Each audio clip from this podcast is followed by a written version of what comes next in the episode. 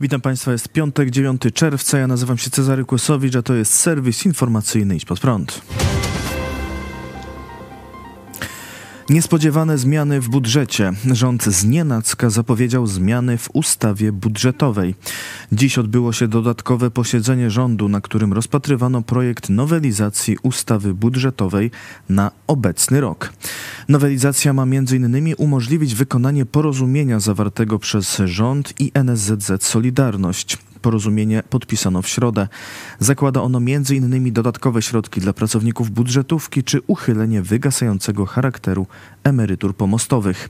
O nowelizacji budżetu mówił dziś po posiedzeniu rządu premier Mateusz Morawiecki. Dzisiaj przyjęliśmy tę nowelizację i ustawy budżetowej i ustawy okołobudżetowej mm, na ten rok to zrealizowanie porozumień z NSZZ Solidarność. Przez pół roku toczyły się bardzo trudne rozmowy dotyczące mm, wynagrodzeń, dotyczące Zakładowego Funduszu Świadczeń Socjalnych i wielu innych dziedzin. Drugi z tych obszarów dodatkowych to rolnictwo. Staramy się poprzez te zmiany w ustawie budżetowej zabezpieczyć środki zarówno związane z trudnościami na rynkach rolnych, z koniecznością utworzenia korytarzy solidarnościowych, które zrobiliśmy, zapewnieniem wyższych cen skupu niż te, które aktualnie obowiązują. Te środki również zostały ujęte w znowelizowanej ustawie budżetowej. I ostatni obszar, ale bodaj najważniejszy, to obszar związany z obronnością. Tutaj także włączamy tam środki, które z jednej strony mają służyć realizacji kontraktów koreańskich, amerykańskich, ale także zasilamy środkami nasz przemysł zbrojeniowy krajowy po to, aby jak najszybciej rozwijał produkcję krabów, produkcję raków, e, rosomaków. Wyszliśmy naprzeciw postulatom związków zawodowych e, NSZZ Solidarność i dla pracowników budżetówki, nauczycieli, dla samorządów przeznaczamy dodatkowe środki w ramach tej ustawy mm, budżetowej. Pracownicy e, państwowej sfery budżetowej i pracownicy oświaty otrzymają e, dodatkowe wynagrodzenie e, liczone jako od lipca do końca roku wypłacane jednorazowo. Takie było uzgodnienie ze związkami zawodowymi. Przedłużamy również emerytury pomostowe, odmrażamy podstawę naliczania świadczeń socjalnych dla pracowników budżetówki, nauczycieli oraz dla emerytów i rencistów służb mundurowych i 1125 zł e, dla każdego nauczyciela. I zdecydowaliśmy też o przeznaczeniu dodatkowych 14 miliardów złotych na realizację zadań samorządów. Ksiądz, który opiekował się młodzieżą, został skazany za wykorzystywanie seksualne niepełnoletniej. Ksiądz Łukasz R., który przez wiele lat był duszpasterzem młodzieży i koordynatorem Światowych Dni Młodzieży w diecezji ełckiej, został skazany za wykorzystywanie seksualne osoby nieletniej. O sprawie informuje portal Onet. Ksiądz został skazany w październiku zeszłego roku. Wyrok uprawomocnił się w marcu. Reporterzy Onetu ustalili, że ksiądz został skazany z artykułu 198 kodeksu karnego, który mówi o seksualnym wykorzystaniu niepoczytalności lub bezradności. Sąd uwzględnił też artykuł 199 o doprowadzeniu małoletniego do obcowania płciowego, nadużywając zaufania lub udzielając mu korzyści oraz o nadużyciu stosunku zależności. Ksiądz został skazany na karę trzech lat i czterech miesięcy pozbawienia wolności. Ponadto ma zakaz kontaktowania się i zbliżania się do osoby pokrzywdzonej oraz zakaz wykonywania zawodów i działalności związanych z opieką nad małoletnimi przez okres 15 lat. Sprawca ma też wypłacić na rzecz osoby poszkodowanej 25 tysięcy złotych. Według dziennikarzy Onetu ksiądz trafił już do zakładu karnego. Ksiądz Łukasz R. przez długi czas angażował się w działalność związaną z młodzieżą. Od 2015 roku był koordynatorem Młodzieżowej Rady Duszpasterskiej przy biskupie Ełckim. W 2016 roku został koordynatorem Światowych Dni Młodzieży, a od 2018 był moderatorem domowego kościoła Ruch Światło Życie.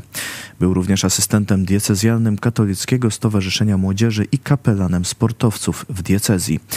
Był także proboszczem w małej parafii. W 2020 roku został odwołany z tej funkcji, kiedy do kurii i do prokuratury wpłynęło zgłoszenie o przestępstwie. Kuria Ełcka przekazała dziennikarzom, że proces kanoniczny został ukończony i zmierza do wydalenia księdza ze stanu duchownego. Trwa kontrofensywa Ukrainy. Amerykański Instytut Badań nad Wojną podaje, że w ostatnich dniach Ukraińcy przeprowadzili działania kontrofensywne co najmniej na trzech odcinkach frontu. W Bachmucie wojska Ukrainy przeszły od obrony do ataku i posunęły się do przodu o około 200 metrów, a na obrzeżach miasta nawet o 2 kilometry. Siły ukraińskie odniosły też sukcesy taktyczne na zachodzie obwodu donieckiego. Ponadto prowadzone są działania ofensywne w obwodzie zaporowskim. Tu Ukraińcy mieli natrafić na najlepiej zorganizowaną obronę Rosjan. Instytut ocenia, że Ukraina na razie zaangażowała w ataku tylko część rezerw zgromadzonych przed rozpoczęciem kontrofensywy. Kontrofensywa będzie prawdopodobnie złożona z wielu elementów o różnej skali, w tym lokalnych ataków i pomniejsze przedsięwzięcia nie reprezentują maksymalnych zdolności, wskazano w raporcie. Dziś rano prezydent Ukrainy Wołodymyr Zełenski powiedział, że na wschodzie obwodu donieckiego toczą się bardzo ciężkie walki. Ale jest wynik i jestem wdzięczny wszystkim, którzy zapewniają ten wynik. Bachmut, dobra robota, krok po kroku, powiedział prezydent Zełenski. Nie podał jednak szczegółów. Tymczasem w obwodzie hersońskim i mikołajewskim trwa walka ze skutkami powodzi po wysadzeniu przez Rosjan tamy w Nowej Kachowce. Zalanych jest kilkadziesiąt miejscowości. Prowadzona jest ewakuacja ludzi z zalewanych terenów. Ratowane są też zwierzęta. Nieznany jest los wielu ludzi w zalanych miejscowościach na terenach okupowanych przez Rosjan. Rzecznik ukraińskiego dowództwa sił powietrznych Jurij Ichnat Poinformował dziś także, że w nocy z czwartku na piątek Rosjanie ostrzelali Ukrainę rakietami z symulowanym ładunkiem nuklearnym. Polska rozmawia z Izraelem o odszkodowaniach od Niemiec. Wiceminister spraw zagranicznych Paweł Jabłoński potwierdził w rozmowie z polską agencją prasową, że Polska chce współpracy z Izraelem w domaganiu się od Niemiec odszkodowań za straty wojenne z okresu II wojny światowej. Rozmawiamy na ten temat ze stroną izraelską. Przekazaliśmy nasz raport, raport o stratach, nasze wyliczenia i poinformowaliśmy, jakie działania podejmujemy wobec Niemiec. Ta sprawa jest jednym z kolejnych tematów, który może połączyć Polskę i Izrael, bo mamy tutaj wspólny interes, a tym interesem jest doprowadzenie do tego, żeby żadna, żadna zbrodnia nie pozostała bez kary ani bez odpowiedzialności, również finansowej czy majątkowej. Myślę, że jeśli będziemy nadal dokładali wysiłków, to współpraca między naszymi państwami w tym zakresie też może przynieść dużo efektów i dla Polski, i dla Izraela, i dla rozwiązania tej wciąż niezałatwionej sprawy, powiedział wiceminister Paweł Jabłoński. Mike Pence ostrzega, że Putin może pójść dalej i zaatakować państwa NATO. Były wiceprezydent Stanów Zjednoczonych Mike Pence w środę ogłosił swój udział w ubieganiu się o kandydaturę z ramienia Partii Republikańskiej w przyszłorocznych wyborach prezydenckich. Tego samego dnia na spotkaniu z wyborcami w Iowa Pence mówił innymi o swoich poglądach na temat wojny Rosji przeciwko Ukrainie.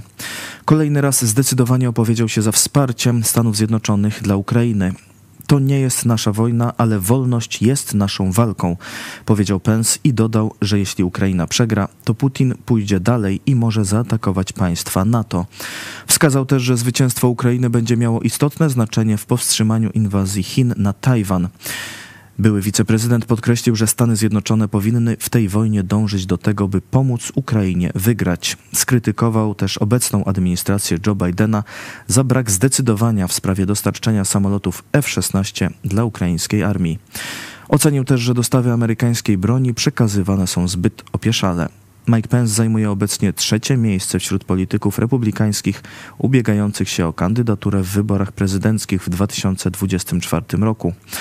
Wyprzedzają go Donald Trump i Ron DeSantis, którzy nie podzielają poglądów Pensa na temat tak stanowczego wspierania Ukrainy.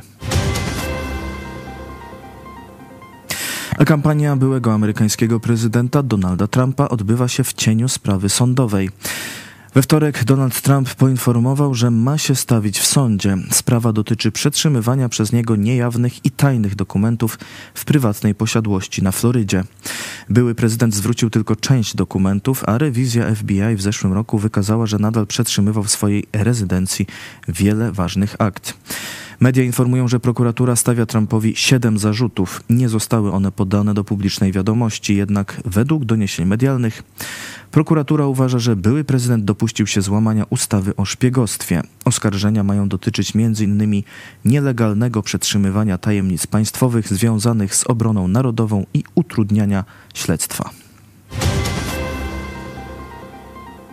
To wszystko w tym wydaniu serwisu. Dziękuję Państwu za uwagę. Kolejny serwis w poniedziałek o 17, a dziś o 18 w telewizji Pod Prąd Zbigniew Żukowski, opozycjonista wygnany z PRL, opowie o procesie pastora Chojeckiego.